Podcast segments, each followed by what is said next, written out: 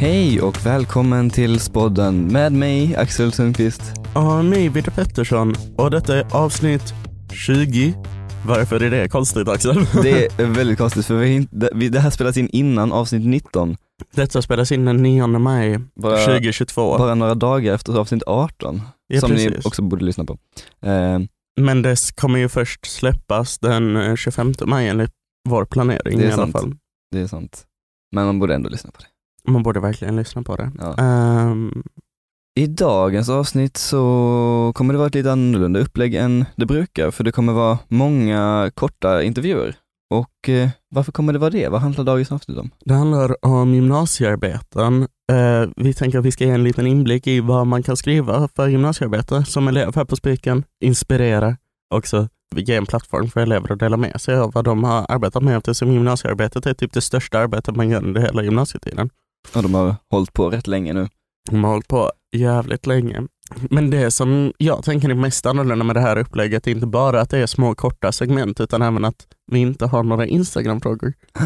Så vi saknar er Instagram, Instagram-frågare. Vi saknar sjukaste festhistorien. Ja precis. Och vår första gäst i dagens avsnitt av många gäster är Ludvig Mats.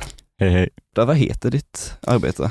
Mitt arbete heter Hyperpop och dess kännetecken. En låt producerad av Ludvig Mats, vilket är jag. Ja, man kan kanske lista ut det, men vad handlar det då om? Jo, det handlar ju då om, om hyperpop eh, och jag har producerat då en låt som ska lite fånga essensen av, eh, av genren.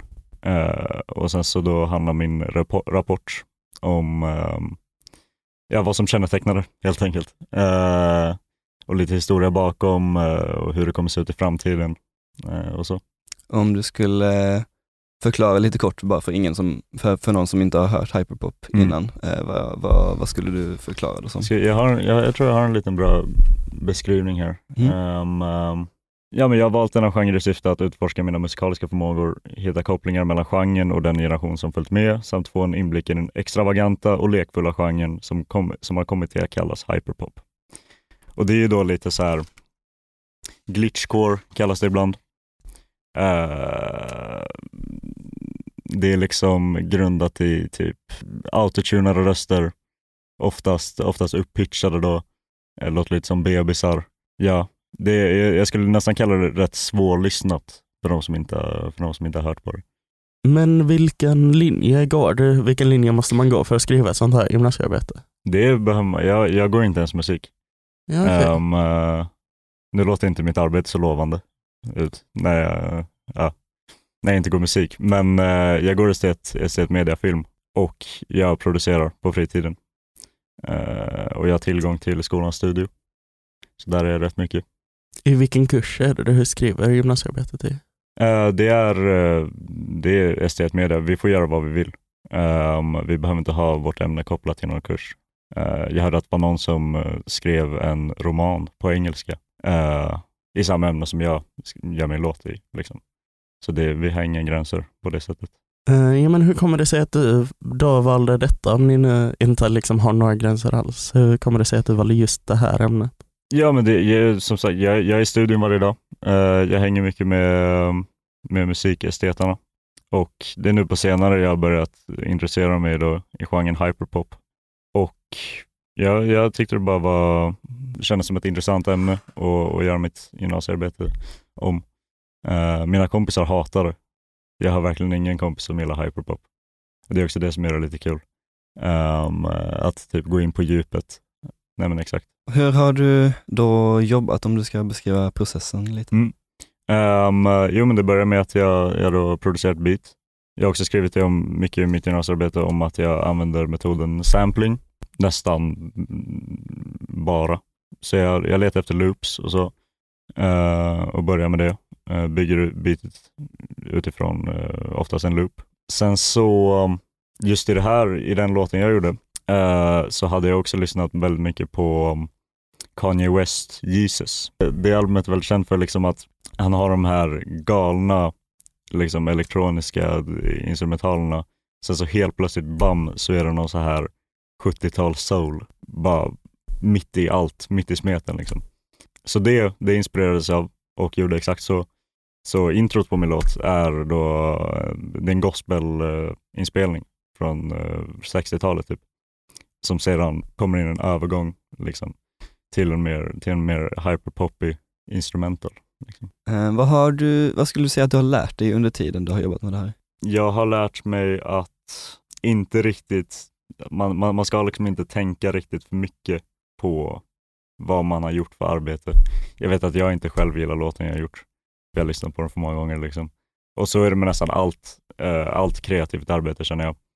Att det är jävligt dumt att titta tillbaka och hålla på och oroa sig. För att eh, när det enda man kan göra är att gå till nästa arbete. Och det kommer alltid vara bättre också. Nästa arbete kommer alltid vara bättre.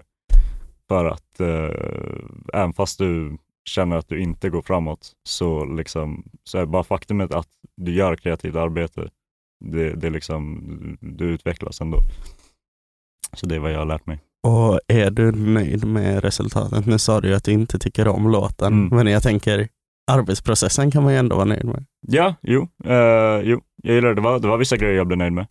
Um, men jag vet ju liksom hundra saker jag kunde ha gjort annorlunda. Jag blev till exempel väldigt nöjd med, med, med övergången från, från den här gospelinspelningen till, eh, till själva bitet. Men sen så, exakt, sen så var det ju vissa andra grejer som man tänker på i efterhand. Bara, fan, det kunde jag ha gjort annorlunda liksom. Men ja, annars, jag blev, jag blev nöjd med rapporten. Det blev jag. Jag tyckte det var väldigt kul att, att undersöka genren och, och titta upp liksom, genrens historia och liksom, ja, hitta artiklar på det och eh, se vad den hade för slags reaktion när den, när den började uppstå då vid typ kanske 2013, 2014 och hur folk, folk reagerade på genren då. Jag vet att det fanns en, eh, det fanns en The New Yorker-artikel som var väldigt, väldigt intressant. Jag rekommenderar den verkligen. Um, uh, som handlade om hyperpop, där då författaren beskrev det som att det kändes som att man var med i ett enda stort internskämt. Vilket jag känner är en, är en, väldigt, en väldigt bra beskrivning. Ja, exakt. Och det, det, det, liksom, det känns som att det, när man lyssnar på det så är det ingen annan som fattar det. Det är bara, det är bara en själv som fattar det. Ehm, nej men exakt. Men eh, då får vi tacka så jättemycket för att du ville vara med och Ja, prata om det. Jag hoppas att någon tvåa eller etta som lyssnar kanske känner sig inspirerad och Ja. vet att nu kan man göra lite vad man vill, i alla fall om man går estetmedia. Ja, exakt. Och förhoppningsvis kommer vi kanske få höra lite av Mm, mm, mm. låten också nu, Absolut. innan nästa, nästa segment. Ja, i så fall kommer den nu.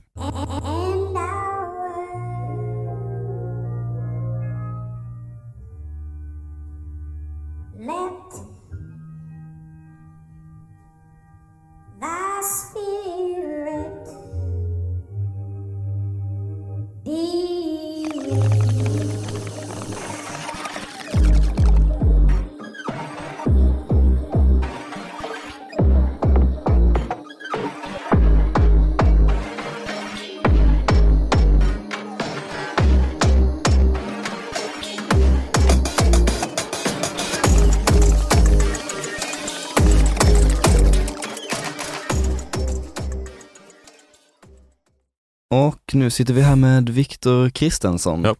Och eh, vad har du skrivit om? Eh, I mitt gymnasiet så skrev jag om eh, mode i Nordkorea för min eh, cultural studies-kurs. Alltså, så jag har alltid varit ganska intresserad av alltså, Nor- Nordkorea och liksom marxistisk kultur eh, generellt. Och så tänkte jag att det kanske skulle vara intressant att skriva om Nordkorea. Men jag visste inte liksom, på vilket plan jag hade, eh, skulle gå vidare till att göra det. Så jag tänkte så här, för eftersom det måste vara linkat till eh, kultur, eftersom det är en liksom, cultural studies-kurs, så tänkte jag att mode här kan vara någonting som har alltså, med kultur att göra på ett visst sätt. Liksom. Och då liksom började jag efterforska lite, och, men sen kom jag fram ganska snabbt till att det var rätt svårt att hitta så mycket bra information om eh, mode i just Nordkorea. Så jag fick liksom så här centrera mig in på mest Pyongyang, alltså landets huvudstad. Alltså det där eh, det var lättast att hitta information. Så jag fick liksom strunta i typ, alltså alla de här små, små byarna, små städerna runt omkring, alltså i prefekturen, eftersom det liksom var helt omöjligt att hitta information om dem. Så det är liksom inte en jättebra eh, analys av Nordkorea i sig, utan mer av huvudstaden kanske. Och hur de har, har det eh, gällande mode. Um, ja, Men du nämnde att du skrev i cultural studies. Vilken linje går man i så fall om man skriver i den kursen? alltså jag går samhällskunskapslinjen, inriktning samhälle. Men jag tror att de flesta kan gå den kursen tror jag. Det är inga problem.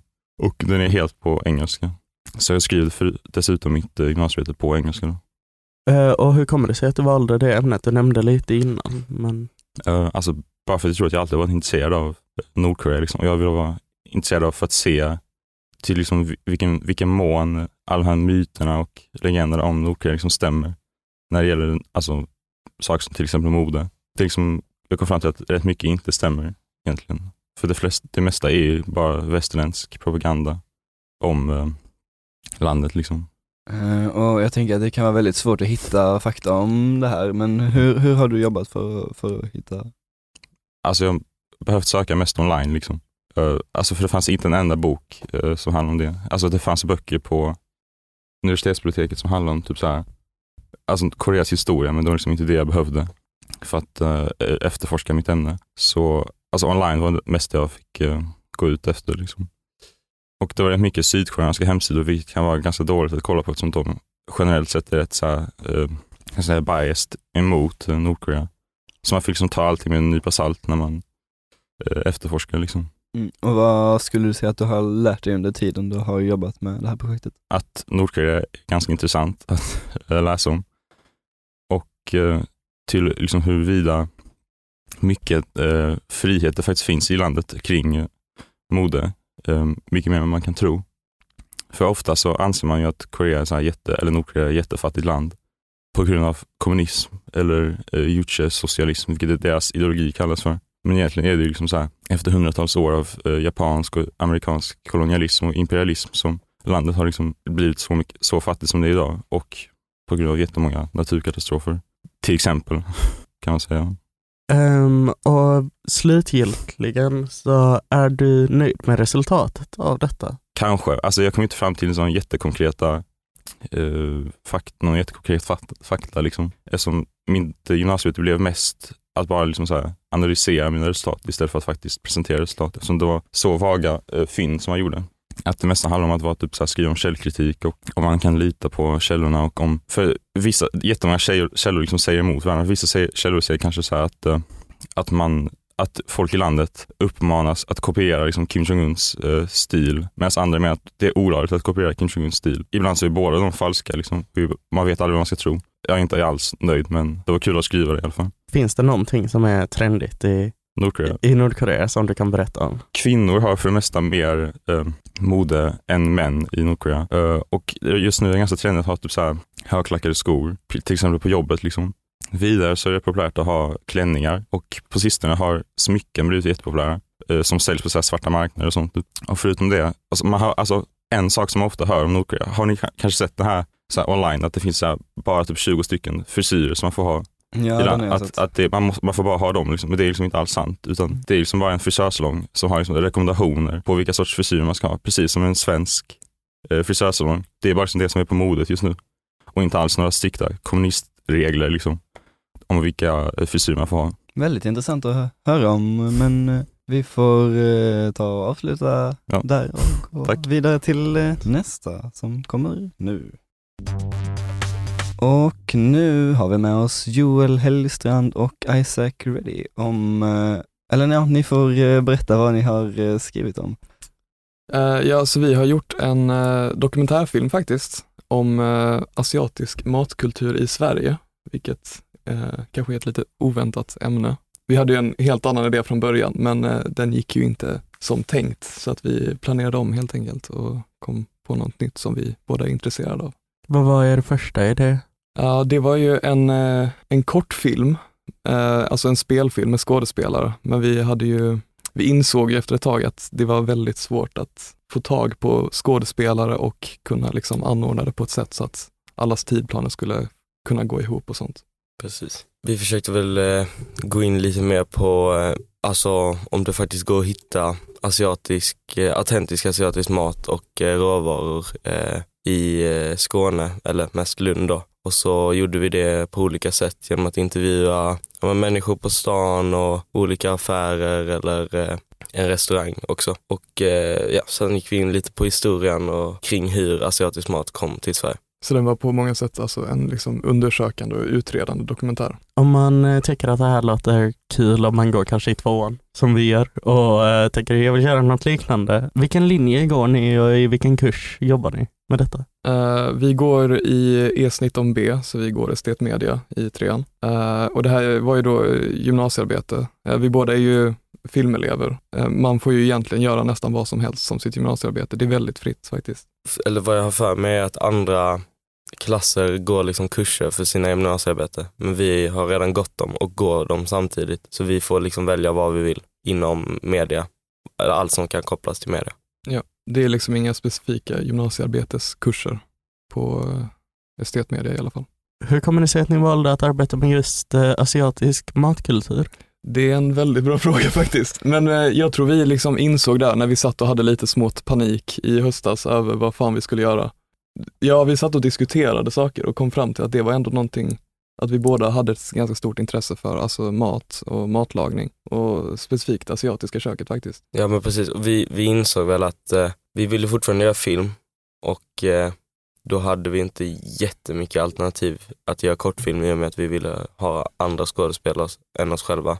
Man kan ju såklart göra en kortfilm utan skådespelare men det var inte något vi var så intresserade av. Och då tänkte vi, ja men vi, vi får köra en dokumentär.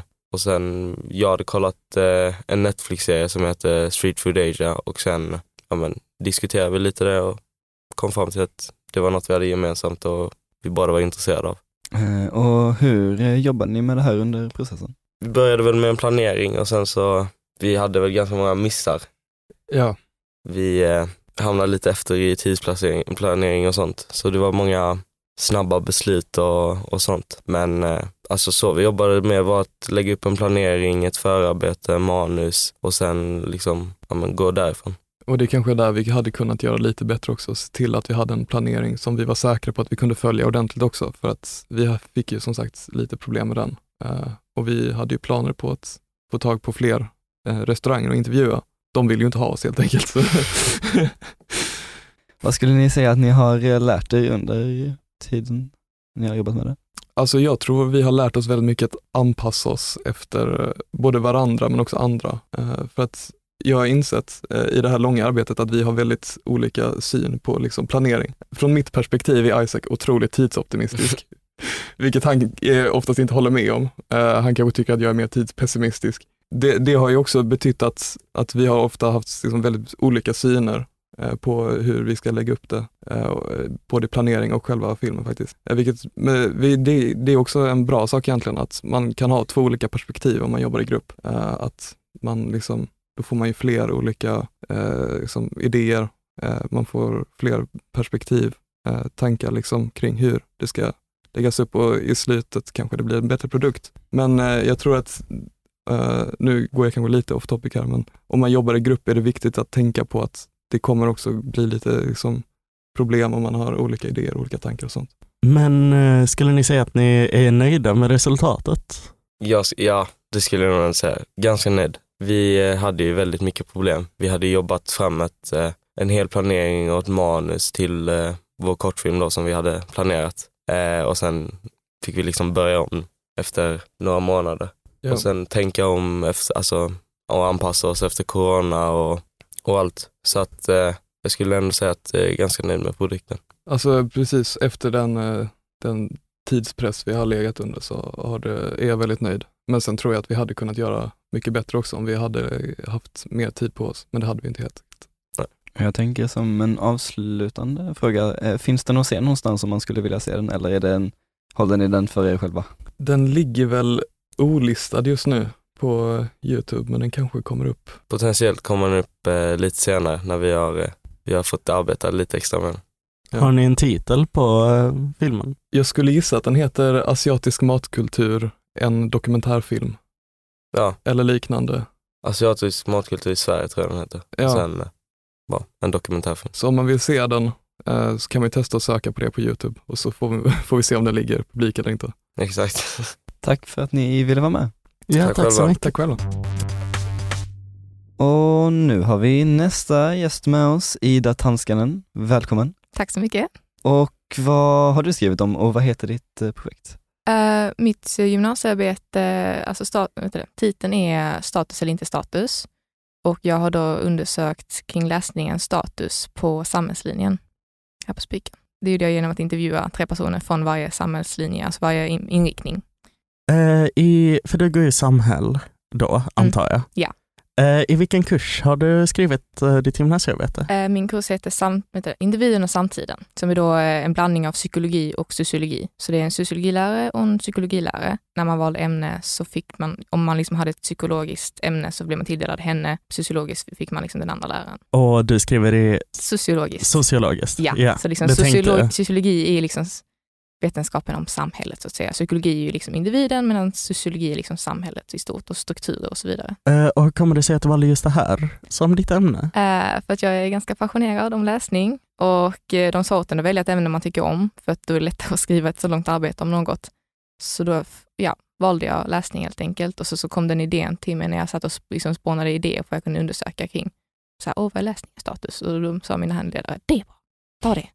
Så under, ja, då blev det det. Och hur har du då jobbat med det här? det, jag vill helst intervjua folk, eh, också för att det passade min frågeställning bäst. Att liksom, när man intervjuar någon så går man ju verkligen in, man fokuserar på den individens upplevelser och när man snackar sen i sitt resultat så säger man ja, enligt den här individens upplevelse, bla bla. Liksom det är lite svårare att generalisera, men man får ett väldigt mycket mer utvecklade svar än bara en enkät där man liksom kan dra generella slutsatser man har siffror och sånt. Och ja, som sagt, tre personer, en från varje inriktning och en från varje årskurs också faktiskt. Så jag kände jag fick en ganska bred representation ändå.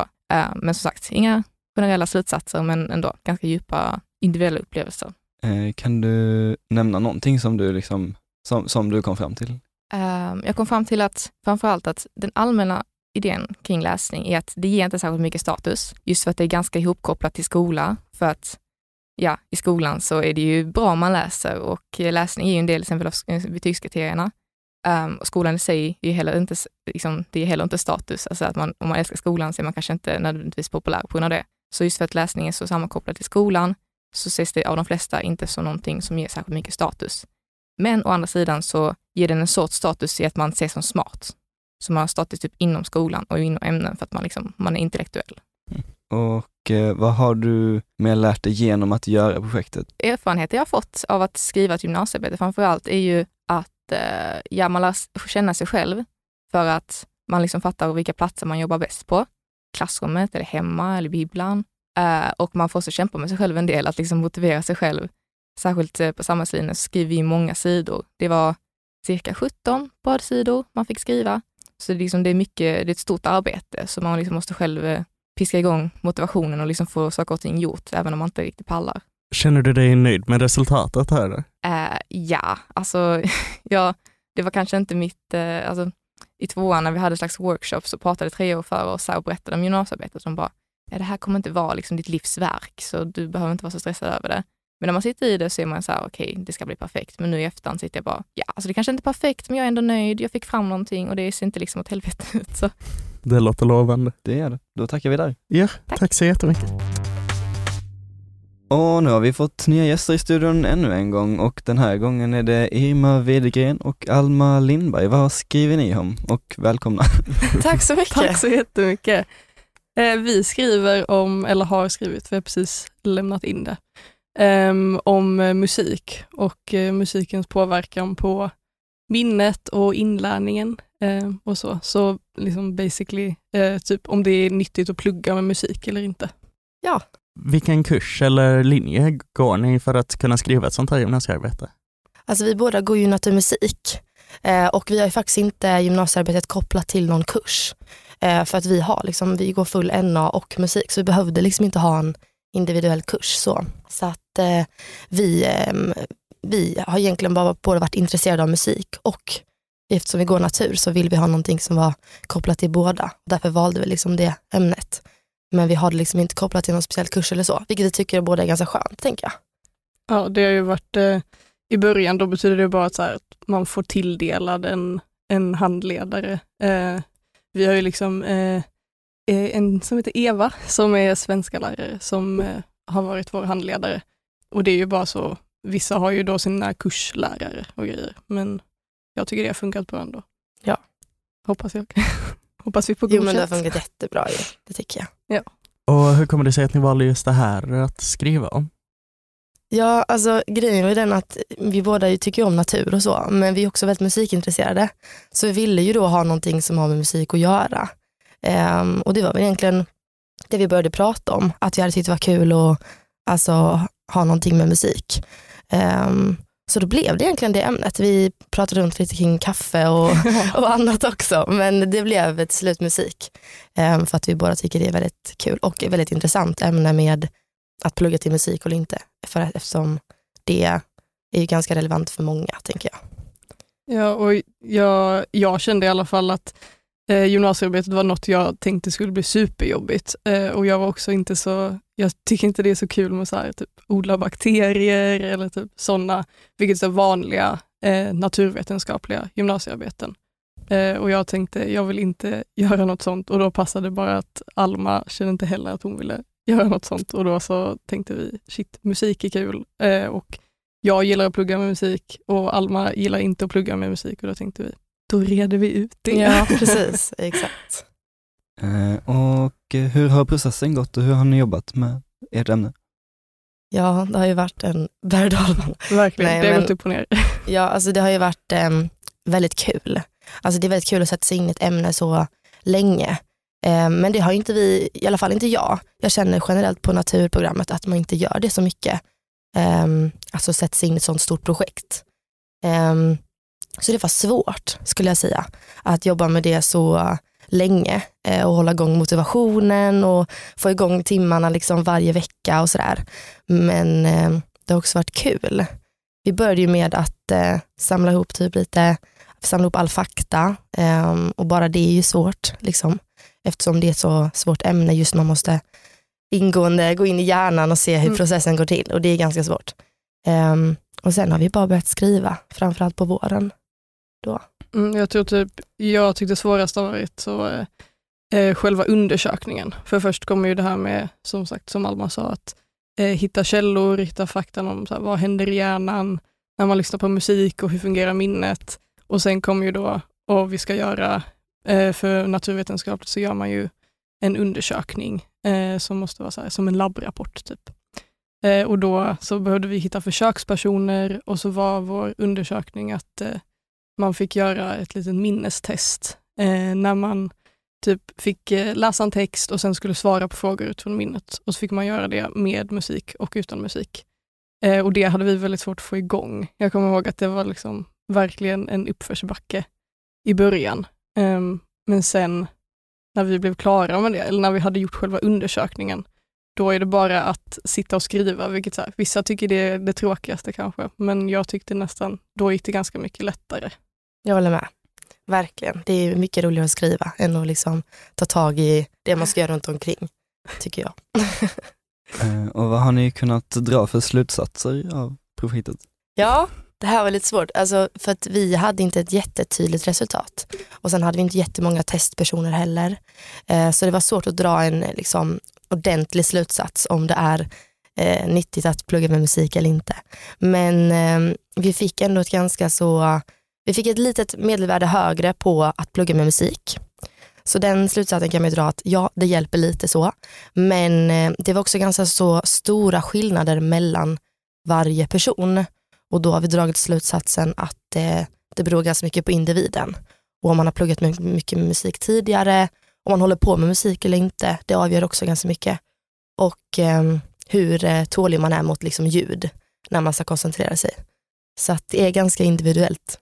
Men det har, gjort mycket, det har gjorts mycket studier på att eh, det hjälper att ha musik när man ska koncentrera sig och eh, lära sig något. Mm. Men som sagt, ja, då, alltså, det kändes ju lite som att vi kom fram till det man, man tänkte från en början. lite. Eller vi, vår hypotes var ju att det inte skulle hjälpa. ehm, men, och det vi kom fram till var verkligen, eh, om du tycker att det hjälper för dig så plugga med musik och om du inte tycker det så gör det inte.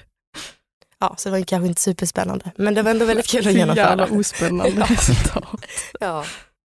Och vad skulle ni säga att ni har lärt er under tiden ni har jobbat med det?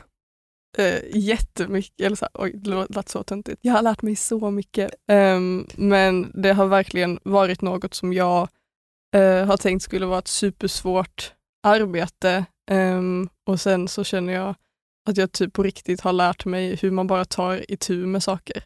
Typ särskilt det här med undersökningen.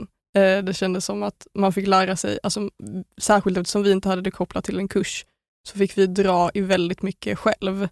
Eh, och det kändes typ först jobbigt, men nu känns det som att man har lärt sig att eh, man måste ta tag i det själv och kontakta försökspersoner och eh, söka upp all fakta och bara att om man, om man tror på sig själv, nej, men då, då fixar man det eh, och bara gör vad man tror funkar. Ja, Shit, verkligen. Nej, men jag håller så med. Alltså, jag tänker att mycket, i alla fall på natur och mycket genom livet, så när man har någonting kopplat till liksom, skolan och eh, ett ämne så måste man liksom göra det. Och man måste få in de här inlämningarna varje vecka och sådär. Men eh, nu måste man ju verkligen ta tag i ett projekt från början under ett helt år själva. Och på något sätt så är inte jag jättevan vid det.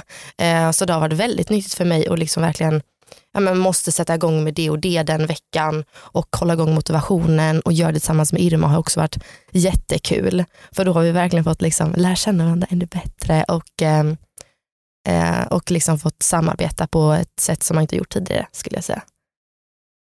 Men skulle ni säga att ni är nöjda med resultatet? Ja, det skulle jag säga. Alltså, ja. det, man får ju det resultatet man får och ett resultat är ju ändå ett resultat oavsett vad det blir. Liksom. Eh, så att eh, jag är ändå nöjd att vi fick ihop det så som vi fick ihop det. Eh, och jag är faktiskt väldigt stolt över det vi har gjort. ja, de har ändå skrivit typ 20 sidor labbrapport liksom, om samma sak och diskussion och hela grejen. Så jag känner mig verkligen liksom nöjd över att vi har fått ihop allt. Ja, vi båda är också väldigt intresserade av just det här ämnet. Så det har också varit väldigt intressant att lära sig lite mer om just hjärnan och musiken och så. Tips till eh, Ja. framtida som ska göra gymnasiearbetet. Eh, om man ska göra det med någon, eh, så liksom välj, eh, välj en kompis. Alltså, välj, om man ska göra det tillsammans med någon så är det superbra att välja någon man tror att man kommer kunna samarbeta med länge bra.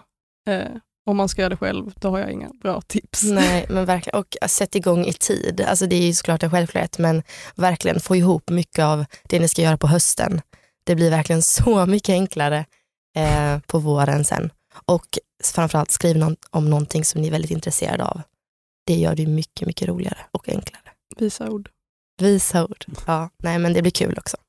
Men eh, tack så jättemycket för att ni ville medverka. Tack så Tack mycket. själv. Tack för att vi fick Ja, medverka. verkligen. Vilken dröm.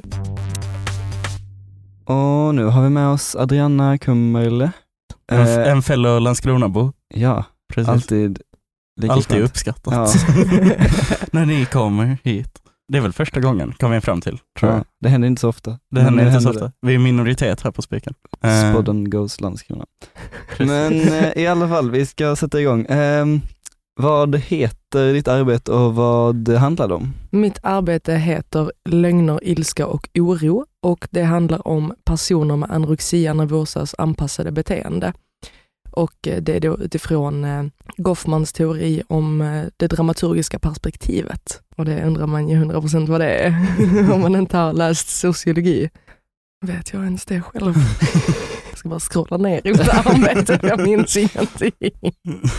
Cue the hissmusik. Vi kan försöka. Om vi hittar någon. Ja, vi hittar den på typ du. Men det dramaturgiska perspektivet, det är, alltså för att kortfatta det så menar Goffman att det handlar om att i ett samhälle så spelar man teater. Att man eh, intar en roll till varje person du umgås med.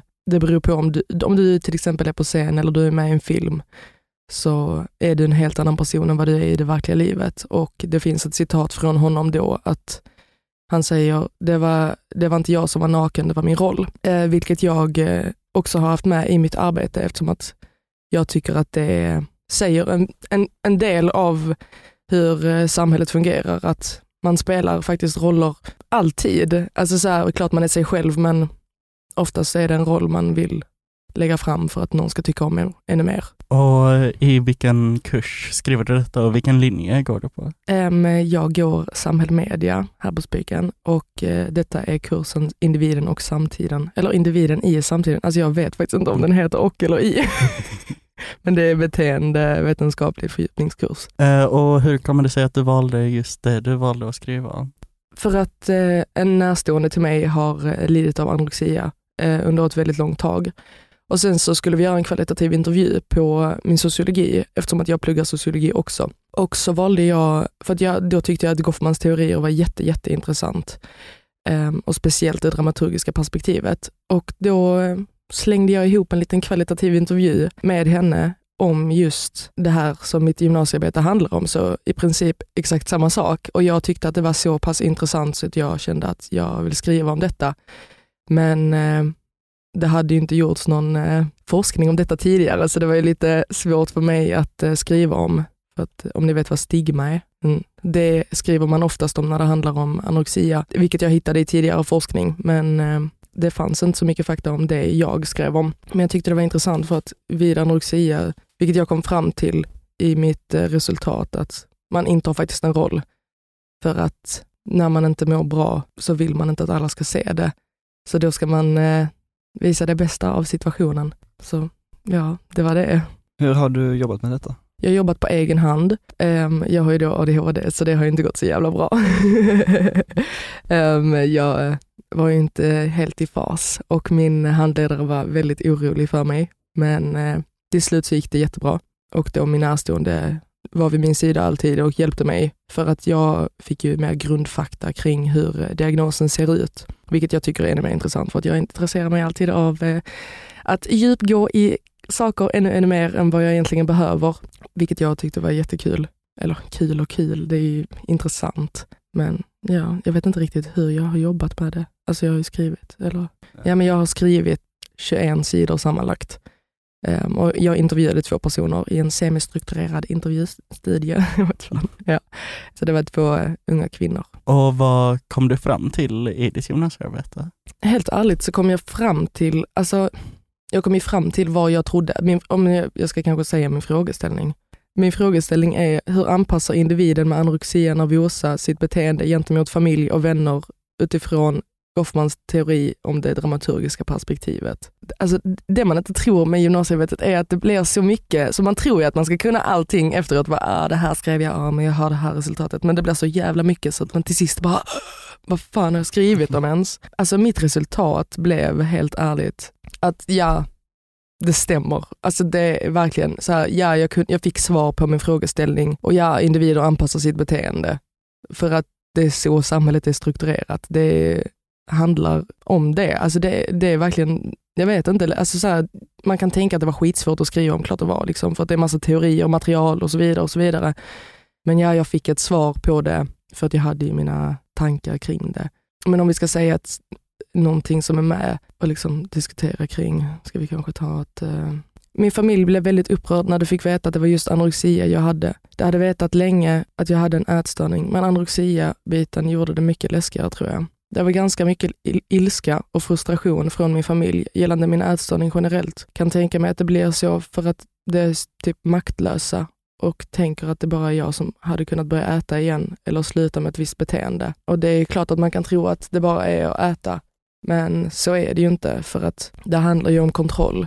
Att om du inte har kontroll på något annat så vill du ha ko- kontroll på vad du stoppar i dig, hur många kalorier det är just i den maten och så vidare. Och den kontrollen tar du sen ut i att få bort de kalorierna. Så det är alltid kontroll och det är kontroll runt alla människor omkring en också för att de blir påverkade av det också. Och vad skulle du säga att du har lärt dig under processen? Jag har lärt mig väldigt mycket under processen eftersom att jag fick reda på mycket mer än vad jag hade i tankar kring anorexia och just beteenden som man formar beroende på vilken diagnos man har. Och eh, jag fick veta mycket mer om eh, stigma på grund av den tidigare forskningen som jag inte hade kollat upp eftersom eh, att jag var så insatt på att skriva om just dramaturgiska perspektivet. Så jag lärde mig väldigt mycket om stigma också ehm, och anorexia, alltså så här, stigma och anorexia. Och kände du dig nöjd med resultatet? Jag känner mig väldigt nöjd. Resultatet blev väldigt bra, men eh, alltså, när man skriver sitt gymnasiearbete, alltså det känns bara så whack när man lämnar in det. Det var liksom, uh, det här kanske var skitdåligt. Alltså det känns ju bra för sig själv, men det vet man ju inte förrän man får sitt jävla betyg. Ja, Ja, vi... Då var det slut. då var det slut. Men tack så mycket Adriana. Tack själv, det var jättekul. Och vår sista gäst för dagen kom precis in i studion och det är Viktor Papaspropoulos. Han är tillbaka som den enda gästen som har varit med två gånger. Kul. Ja, du, var ju här, du var ju här och pratade om eh, att vara med i bandet och i Spixet. Ja, Du- precis. Kanske det är lite liknande samtalsämne? Ja, Ja. precis. Det, det var mitt gymnasiearbete vi skulle prata om. Förlåt, nu introducerar jag podden. Men, Ja men det är bra. Det är Eh, bra. Ja, jag har ju skrivit ett arbete om eh, hur det är att liksom vara ledare för, en, ett gäng musiker och vad man kan ha för olika, ja men eh, vad som kan vara jobbigt, vad kan vara problem, vad kan vara roligt och vad utmaningar och lite så. Eh, Vad hade du liksom för roll i bandet under själva Spixet nu? Alltså i bandet så hade jag ledarrollen tillsammans med Elliot Hagander. Så då skulle vi skriva, eller arrangera all musik rättare sagt. Ja, vi skrev ju inte eget skrivet så, men, eh, eh, ja, men så vårt, vår roll var ju att hitta musiker först och eh, sen eh, skriva musiken till, eh, skriva ut noterna till, till dem så att det skulle låta bra. Liksom. Och sen hade vi också som roll att eh, försöka få det bra med sångarna också. Eh, Vi repade ju någon vecka innan själva Spyxveckan, eh, så repade vi tillsammans med musikerna. Och då var det väl lite, ja oj, det var en låt som var fel tonart liksom, så får man ändra det. det ja, det var lite det vi gjorde. Och vilken eh, linje går det och hur hör det ihop med valet av gymnasiearbete? Ja, alltså jag visste inte riktigt, jag går ju spetsmusik och jag visste inte, jaha, jag är ju inte alls intresserad av natur eller samhälle eller så, så jag visste inte vad jag skulle skriva om. Eh, men så var det någon kompis som skulle skriva om musikalen. Så tänkte jag, ja ah, men shit, kan inte jag skriva om Spyxet då? Det hade varit kul, det ska jag ändå göra liksom. Eh, så sa de, ja men det är väl en jättebra idé. Så tänkte jag, ja men, ja men då ska jag göra det. Så jag tänkte, ja men okej, man måste skriva något om Spyxet och, och det får man ju för det är lite musikrelaterat liksom. Det, det var en väldigt, eh, väldigt nice att kunna skriva sitt gymnasiearbete om det. Ehm, nu svarade du ju lite på det, men hur kommer det sig att du valde just det här att skriva om?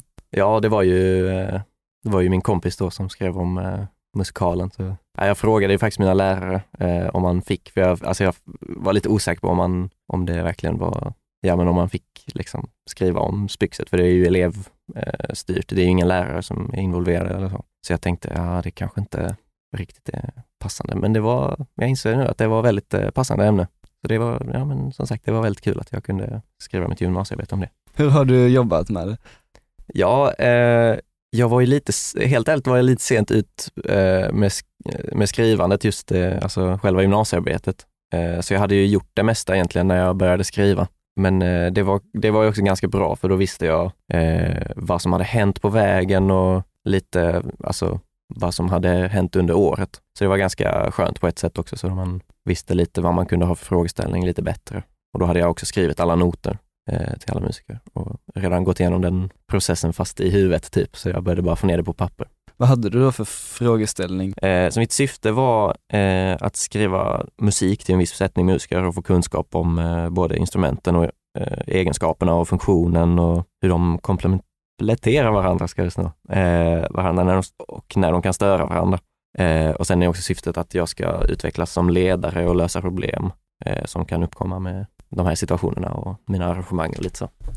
Eller vad kom du fram till eh, efter ditt gymnasiearbete? Alltså det var en väldigt eh, nyttig eh, roll som ledare för jag brukar inte, jag brukar inte ha den rollen ofta, så jag brukar sitta i orkester som trummis och bara få eh, ledare som säger vad jag ska göra konstant. Så det var så en, eh, ett resultat är att jag har utvecklats jättemycket som person och, och som ledare. Eh, så det är ju jättekul. Jag insåg nu på klassmötet senast idag att oj, shit, jag börjar bli ledare nu. Nu får jag tagga ner lite så jag inte ryter på min, hela min klass. Liksom. Eh, och sen var det vissa låtar eh, som jag tar upp i mitt arbete, eh, att det var vissa utmaningar med de låtarna. Typ hur man får vissa eh, instrument att stå ut i vissa delar av, en, av ett stycke. Eh, jag vet inte, var ni och kollade på Spyxet? I, såklart. För då i första låten vi spelade, den där alla spelar jättestarkt i början, eh, den med massa roliga, olika massa roliga låtar, typ. Eh, där var mitt syfte lite att, eh, ja men jag vill att alla instrument ska eh, få en plats i, eh, vad säger man, i ljus i ljuset, time to shine liksom. Och det tycker jag att jag lyckades med och mina musiker tyckte att jag hade skrivit jättebra också, så det var väldigt skönt.